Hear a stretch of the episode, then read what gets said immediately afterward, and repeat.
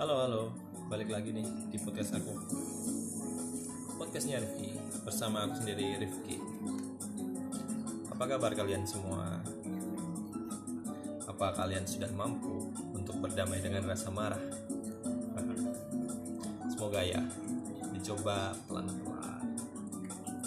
Kali ini aku mau ngomongin kelakuan orang-orang yang katanya sih ngajakin bersaing secara sehat tapi di belakang hmm, agak-agak gimana gitu ya.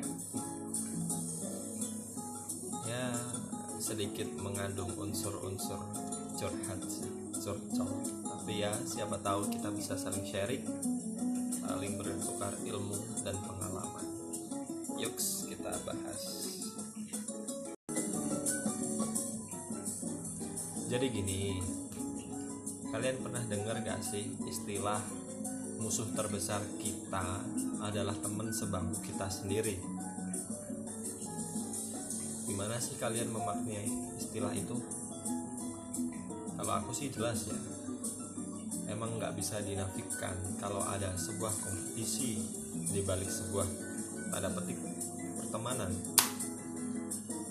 Dan emang ada aja orang yang menganggap hidup ini sebuah pertarungan. Nah, suatu saat kalian pasti akan ketemu sama orang-orang yang kayak. Entah apa pun itu profesi kalian. Mau kalian masih jadi mahasiswa, karyawan, apalagi orang kantoran, atau juga orang-orang yang ngakunya rekan bisnis kalian. Tapi emang apa sih salahnya kalau kita bersaing? Nggak salah, nggak salah kok. Nggak ada yang salah kalau niat kalian itu untuk menjadi lebih baik dari diri kalian sendiri sebelumnya. Kalian ingin maju, motivasi kalian ingin lebih baik. Tapi kan akan menjadi cerita yang berbeda kalau kalian menginginkan suatu kesuksesan di atas teman kalian yang mana kalian menggunakan segala macam hal cara menghalalkan segala cara untuk bisa mencapainya. Jadi jelaskan bedanya. Maksudnya di sini jelaskan. Nah bukannya kalian juga udah tahu sih kalau menghalalkan segala macam cara itu juga perbuatan yang keliru kan? Ini deh kenapa sih orang-orang kok ada yang kayak gitu. Satu itu karena mereka itu salah mindset. Menurutku keyakinan-keyakinan yang keliru yang ada di kepala mereka itu mengatakan mereka pada kekeliruan yang semakin lama itu dianggap mereka oleh dianggap mereka itu benar. Jadi mindset mereka itu membenarkan apa yang keliru. Itu. Orang-orang yang kayak gini biasanya hanya berpikir bagaimana bisa terlihat lebih di mata orang lain dibanding orang yang dianggapnya saingan. Mereka merasa kesal kalau ada orang lain yang lebih unggul dan ingin merebut apa yang orang lain dapatkan. Emangnya ada orang ini? Ada banyak sob, banyak yakin satu saat lo pasti. Ya, kedua, menurutku itu mereka dikendalikan oleh nafsu. Mereka itu punya keinginan yang tidak didasarkan kebutuhan mereka sendiri, tapi mereka hanya memenuhi kebutuhan hasrat mereka untuk menyayangi orang lain. Orang-orang seperti ini perlu dipertanyakan pendiriannya. Kenapa? Dengan cara apa mereka berdiri di kaki mereka sendiri? Kalau hidup mereka rasanya hanya ingin untuk menang dari orang lain dan kebanyakan dari mereka juga tidak bersyukur atas apa yang mereka miliki atas mereka yang dapatkan atas pemberian Tuhan kepada mereka. Aku kasih tahu ya bersyukur itu bukan sekedar ucapan lisan tapi juga perbuatan yang harus menunjukkan kalau emang mereka itu ya benar-benar bersyukur menerima apa yang didapat dan ikhlas kalau misalkan ada orang lain yang lebih unggul. Gitu. Dan tiga menurutku orang-orang seperti ini tuh mereka takut gagal. Jelas dong mereka takut kalau sampai kalah dari saingan mereka. Kalau mereka kalah dari orang-orang yang mereka anggap sebenarnya teman mereka sendiri tapi dianggap saingan. Nah mereka nggak bakal tuh membiarkan orang berjalan mulus begitu aja. Nah ketika mereka ada di sampai titik ini ketika mereka sampai di titik ini di mana mereka tidak mampu lagi mengungguli saingannya mereka akan melakukan kelicikan yang sebenarnya mereka sendiri juga nggak mau kalau mereka yang menerima hal itu. Orang-orang yang ada di titik ini akan menyandung jerimpet kalau bahasa Jawanya. Tahu kan yang jerimpet yang itu loh yang kalau ada orang lain mau maju tuh dijegal di dihalang-halangi lah. Nah bahayanya mereka di sini tuh udah tidak lagi berkompetisi. Tapi mereka udah jadi merugikan orang lain. Orang lain juga akan terganggu langkahnya sob. Mereka nggak bisa bebas mau melakukan karya mereka nggak bebas mau berusaha jadi lebih baik. Yang ada jalan mereka itu disandung ya kan? Mereka akan mengganggu jalan orang lain agar tidak bisa begitu saja lewat dengan gampang. Nggak ikhlas. Mereka tuh nggak ikhlas. Kalau ada orang yang lebih unggul tuh nggak ikhlas. Mereka iri ini tuh dosa ya. dosa penyakit hati. Itulah kesalahan mereka. Sejak awal tuh mereka mindsetnya keliru. Sampai akhirnya gagal. Lalu hanya bisa mengganggu orang jalan orang lain. Guys rasa daripada hidup itu dipenuhi pikiran-pikiran untuk bersaing untuk menang memenangkan dunia yang hanya panah ini.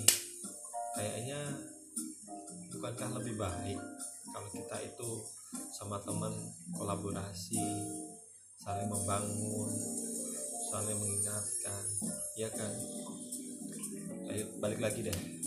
Sama istilah musuh terbesar kita adalah teman sebangku kita sendiri hmm, gimana ya? Bersaing itu nggak apa-apa kok sebenarnya.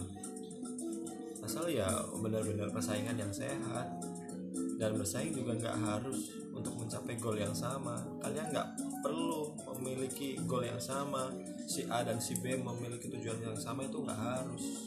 Kalian itu kan punya kebutuhan kalian masing-masing kan. Punya cita-cita sendiri kan jadi ya buat apa? Kalian susah-susah ngerebut cita-cita orang lain. Sedangkan cita-cita kalian sendiri nggak kalian kejar nggak kalian nggak kalian usahakan. Nah itu. Sini kalian jadi nggak punya pendirian juga.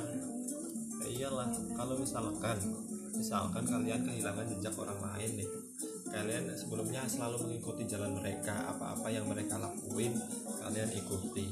Misalkan suatu hari orang itu udah gak ada pindah kah atau apakah nah siapa lagi orang yang kalian ikuti? Kalau kalian gak punya pendirian mau gimana kalian? Nah kalian perlu hati-hati nih sama orang yang mengikuti langkah kalian sama yang kalian lakukan itu selalu diikuti. Ada loh orang kayak gini. Orang lain bikin apa dia ikutin. Orang lain ngapain diikutin. Jadi tuh plek-plekan ngikutin orang lain karena aku juga dibegitukan ilfil sebenarnya cuman ya gimana ya? Itu mereka tuh gak otentik gitu loh. Gak punya pendirian gak punya ciri khas masing-masing gitu loh. Jadi ya sampai kapan sampai kapan mau kayak gitu? Kalian gak punya brand self branding sendiri kan? Mau sampai kapan kalian dipanggil sebagai sang peniru gak mau kan kalau emang kalian merasa ada keterbatasan dalam diri kalian untuk berkembang untuk maju ya belajarlah cari ilmu. Di buku di internet kan banyak. Atau lebih gampang kan cari ilmu dari orang lain dari pengalaman orang kita bisa belajar. Kalau kalian nggak pernah mau membuka diri menerima bahwa emang kalian itu kurang dalam hal tertentu ya kapan kalian majunya? Ya nggak bakal maju. Gitu loh. Daripada kalian tuh sendirian nggak punya arah kan. Kalian kan lebih baik merunduk ya mencari orang untuk jadikan guru yang bisa membawa kalian ke arah yang lebih baik kan. Ya jadi gitu sih. Ya gimana ya persaingan tuh boleh asal asal asal ya sehat nggak pakai cara-cara yang licik yang meng apa namanya menjegal nyandung cerimpet kalau istilahku tuh kesel sebenarnya kalau disandung cerimpet. Ya ya kalau parahnya juga kalau parah parahnya tuh kalau udah nyampe ini sih ke tahap yang enggak di luar nalar gitu loh. Ya katakanlah hal gaib lah kan juga banyak terjadi di Indonesia orang-orang yang masih mempercayai hal-hal kayak gitu. Mereka masih menggunakan cara-cara di luar syariat Islam untuk bisa mendapatkan apa yang mereka inginkan untuk bisa mengalahkan orang lain. Ada kayak gitu ada. Akui saja. Maksudnya ya mengakui saja emang kalau hal-hal ini tuh ada. Bukan kalian bukan. Tapi orang lain ada yang kayak gini. Gitu loh. Jadi gitu sih sikat aja. Karena kalau kepanjangan pasti bosan kalian ya yang penting sih kalian dapat poin yang mau aku sampaikan. Jadi aku mau tutup podcast ini sama sebuah quote. Kalau kalian ingin maju musuh kalian itu bukan orang lain tapi ego kalian sendiri. Jadi gitu aja. See you next time and dah